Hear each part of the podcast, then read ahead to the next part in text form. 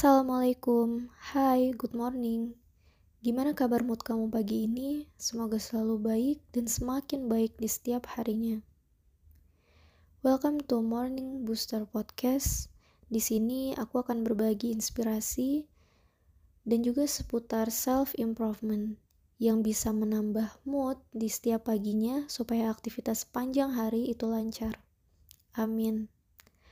Oke, di edisi sebelumnya aku udah bahas tentang salah satu bab di buku Psycho Cybernetics. Nah, dan kali ini masih di buku yang sama, itu aku akan membahas satu hal yang itu mungkin uh, ngena banget di diri aku sendiri dan juga untuk orang-orang yang overthinker gitu ya. Kemudian juga yang mungkin lagi membangun rasa percaya dirinya. Nah, rasa percaya itu sendiri itu berasal pastinya dari uh, diri kita sendiri ya. Tetapi kenapa sih merasa kurang percaya diri? Terus juga orang yang mengalami kecemasan yang berlebihan, anxiety. Itu salah satunya karena kurangnya ketenangan di dalam diri dan juga terlalu merespon eksternal, situasi eksternal yang sebenarnya memang nggak selalu bisa kita kendalikan. Nah, jadi di bab ini, Maxwell itu menjelaskan tentang penenang-penenang yang dapat kita lakukan sendiri. Artinya sesuatu itu bisa kita bentuk di dalam diri kita sendiri. Nah, dan ini salah satunya beliau terinspirasi dari salah satu buku dari Dr. Lucinda Bassett. Nah, beliau ini membuat sebuah karya yaitu judul bukunya From Panic to Power. Dan ini terinspirasi dari dia sendiri, dari Dr. Lucinda ini, yang beliau ini dari kecil itu udah mengidap kecemasan yang akut gitu. Dan pada tahun 1981 menderita agorafobia atau takut terhadap tempat-tempat umum dan itu total alias ya dia takut banget gitu ketika berada di tempat-tempat yang umum. Nah, proses kesembuhannya ini, perjalanannya itu dia buat dalam sebuah teori, dalam suatu program. Nah, kemudian bahkan ini bisa membantu orang-orang lainnya, mereka-mereka yang menderita kecemasan yang parah, untuk merebut kembali kepribadian sejati mereka. Nah, dari buku ini juga Maxwell itu uh, menghubungkan dengan teori-teori atau prinsip psycho-cyberneticsnya. Nah, langsung aja, bagaimana sih sebuah rasa panik itu muncul?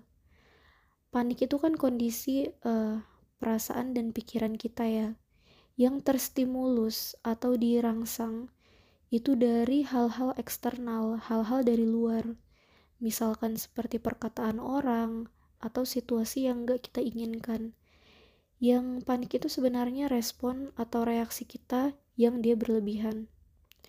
Contohnya aja, ketika kamu sedang membaca buku nih, di ruangan yang tenang, hening, lagi duduk dengan bersantai, diiringi mungkin dengan musik yang lembut gitu atau suara burung yang berkicau. Nah, pada saat itu tiba-tiba adalah dering telepon. Dering telepon yang terus mendering. Ketika dering telepon itu berbunyi, kamu segera beranjak dan melupakan aktivitas kamu yang lagi sedang membaca dengan enjoy. Langsung bangkit, terus mengangkat teleponnya.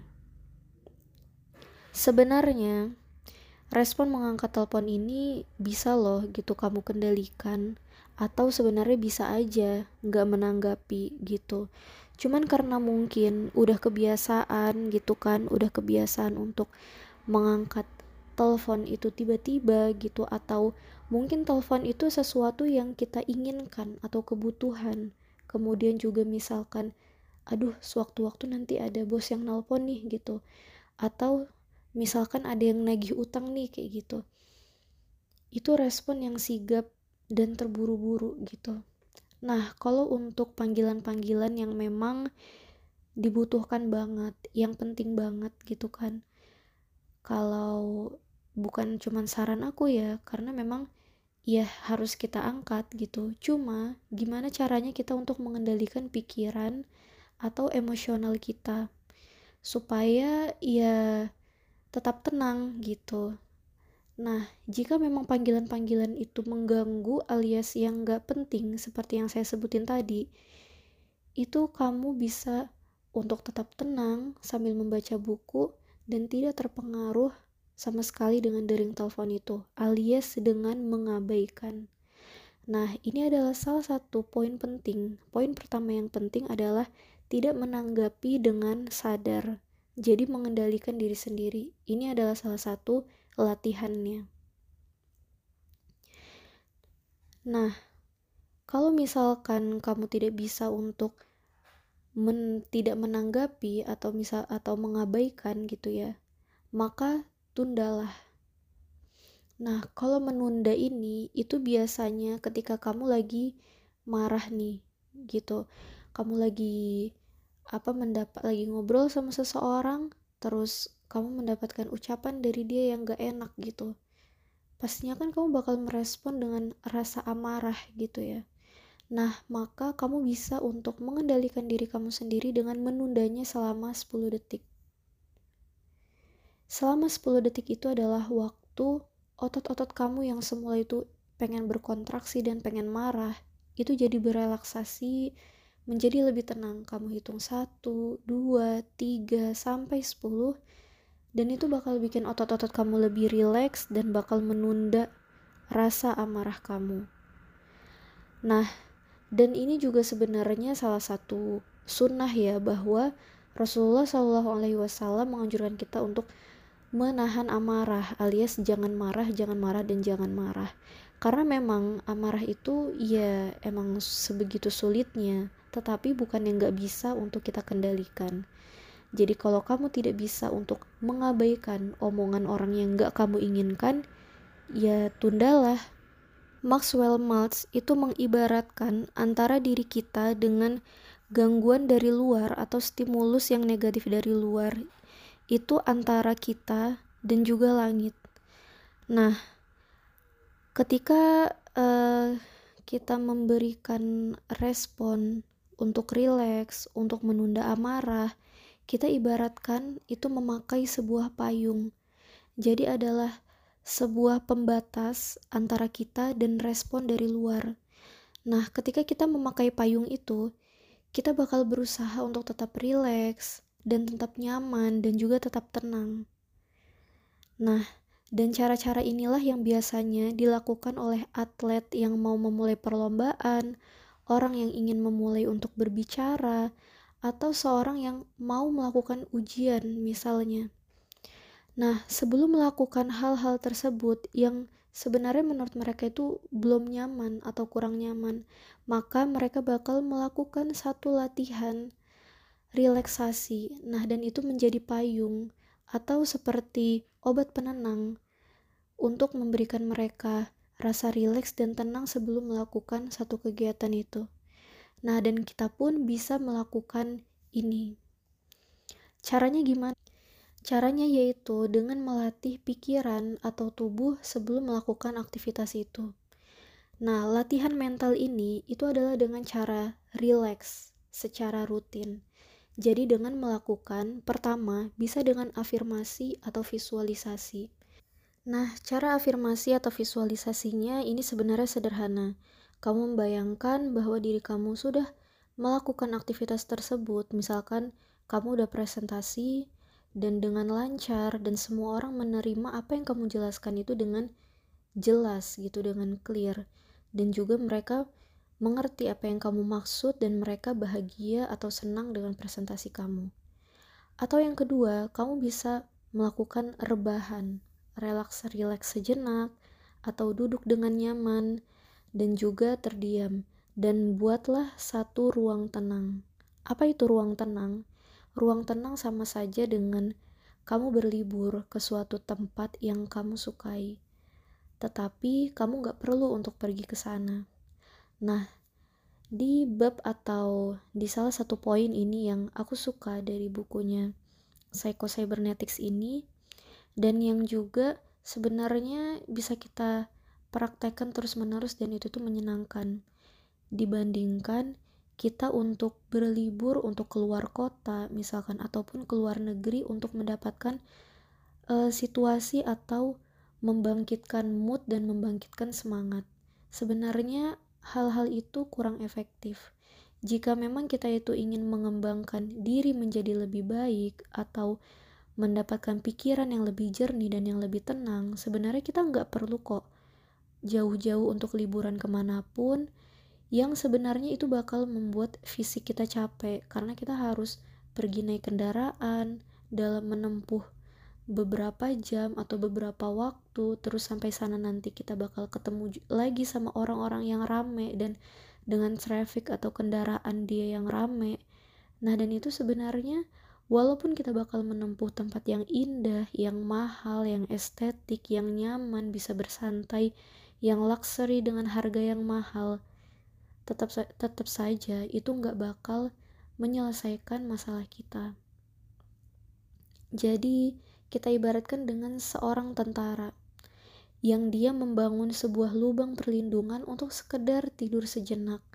Nah, seperti itulah sebenarnya yang dibutuhkan oleh pikiran kita yaitu dengan kita berlibur di dalam imajinasi kita sendiri.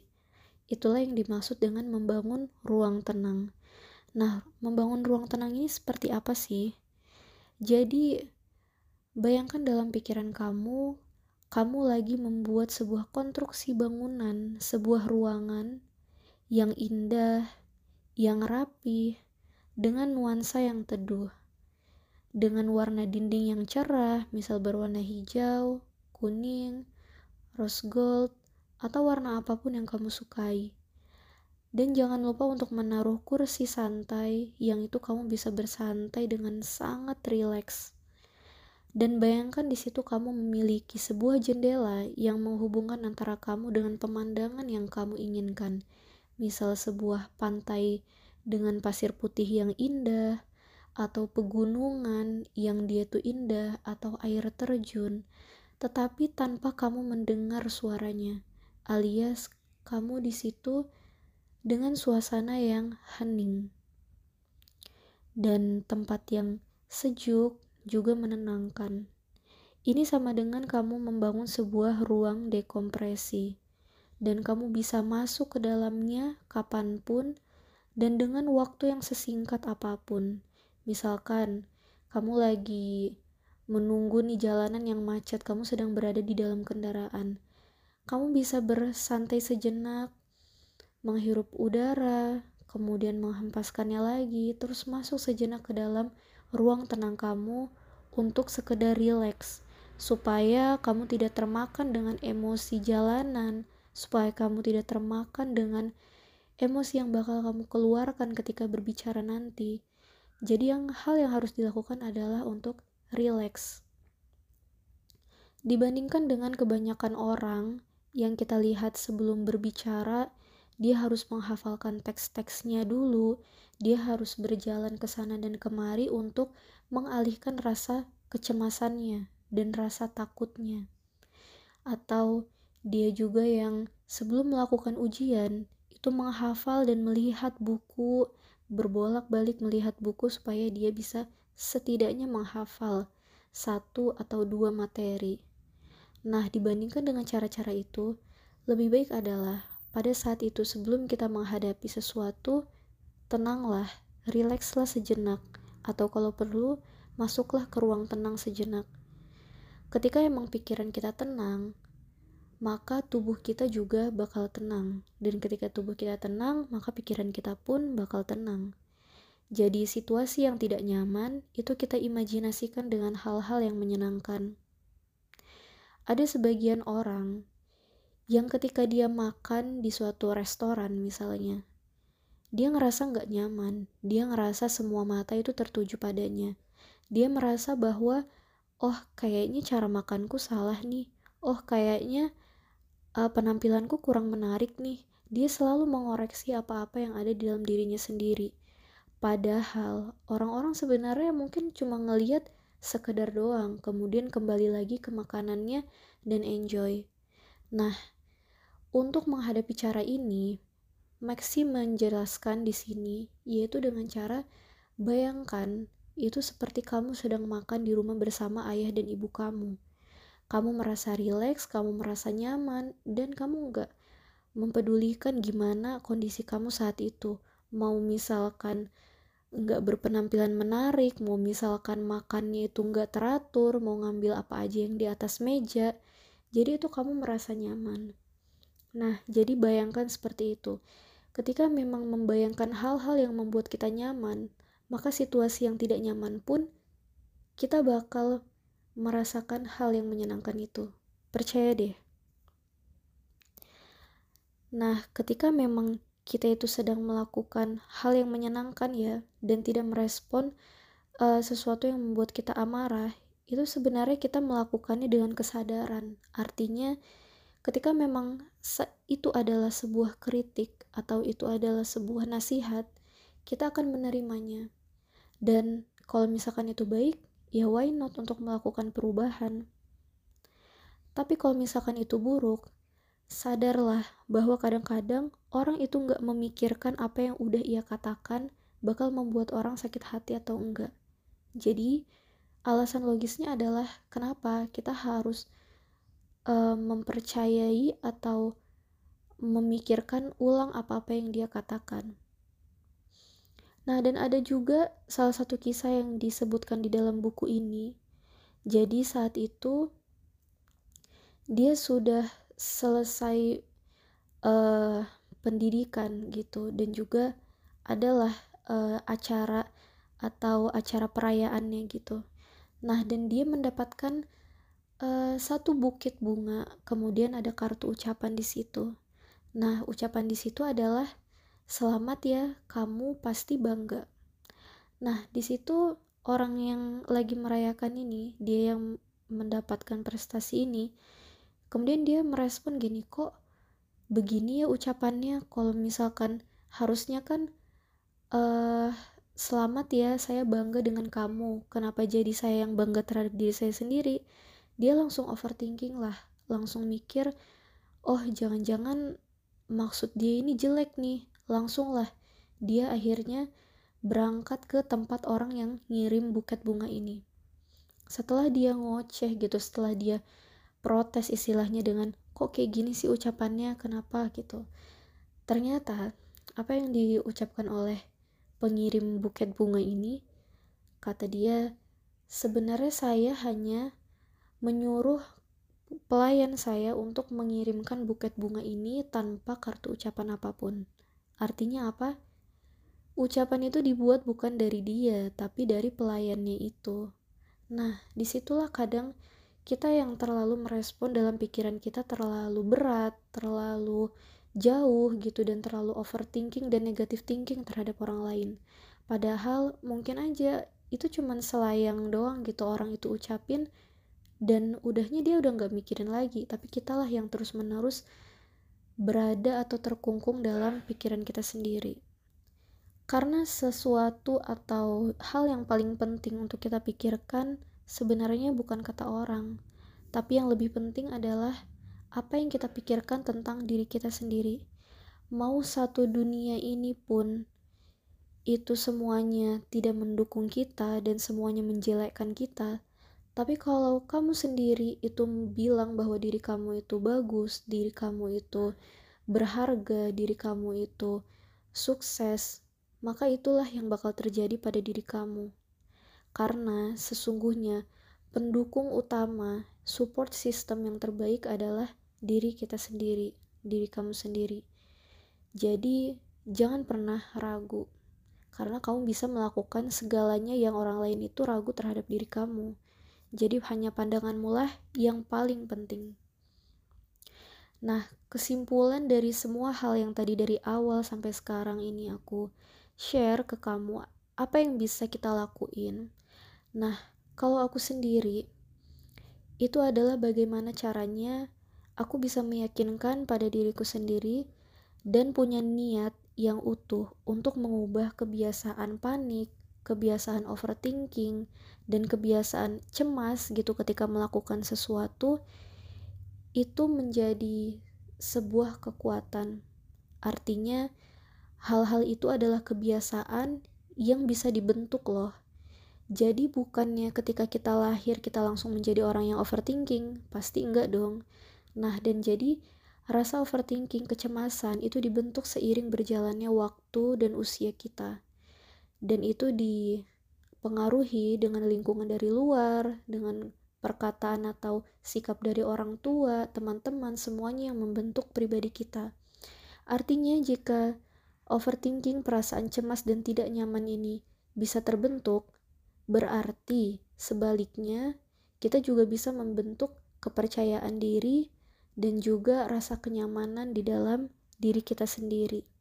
Jadi itu bakal menjadi sumber kekuatan atau privilege supaya kita bisa berubah menjadi lebih baik lagi. Kemudian komitmen untuk mengabaikan atau menunda respon negatif saat kamu merasa tidak nyaman, takut, dan marah terhadap omongan orang lain yang sebenarnya nggak kita inginkan. Jadi komitmen itu benar-benar harus kita pegang supaya kita itu nggak mudah uh, atau mempunyai mental yang rapuh. Nah, kemudian jangan lupa juga untuk membangun sebuah ruang tenang kamu sendiri. Jadi, ruang tenang ini adalah sebuah latihan supaya kamu menjadi lebih nyaman dan merasa aman, dan juga kamu bisa menghadapi semua hal dengan yang rileks, sehingga ini bisa membuat uh, penampilan kamu itu bakal lebih baik, atau performa kamu bakal lebih baik daripada sebelumnya. Dan fokus pada cara pandang dan apa yang kamu yakinin, tapi tetap peka terhadap kritik dan nasihat yang membangun kamu menjadi lebih baik. Oke, semoga dari sedikitnya poin yang aku dapat dari buku Cybernetics ini bisa kamu amalkan atau kamu apa ya di dalam kehidupan nyata lah gitu bisa di aplikasiin Nah, dan juga aku sendiri juga berusaha untuk mengaplikasikan hal ini karena memang membuat penenang-penenang yang bisa dilakukan oleh diri sendiri itu bukan sesuatu hal yang mudah. Bahkan seseorang mungkin harus minum obat tenang setiap hari atau setiap malam supaya dirinya bisa tidur atau supaya dia bisa tenang menghadapi kondisi yang tidak terkendali. Padahal kita itu bisa membuat penenang-penenang yang ada di dalam diri kita sendiri, yaitu dengan poin-poin yang aku bahas tadi. Oke, semoga hari kamu menyenangkan dan aktivitas kamu selalu lancar.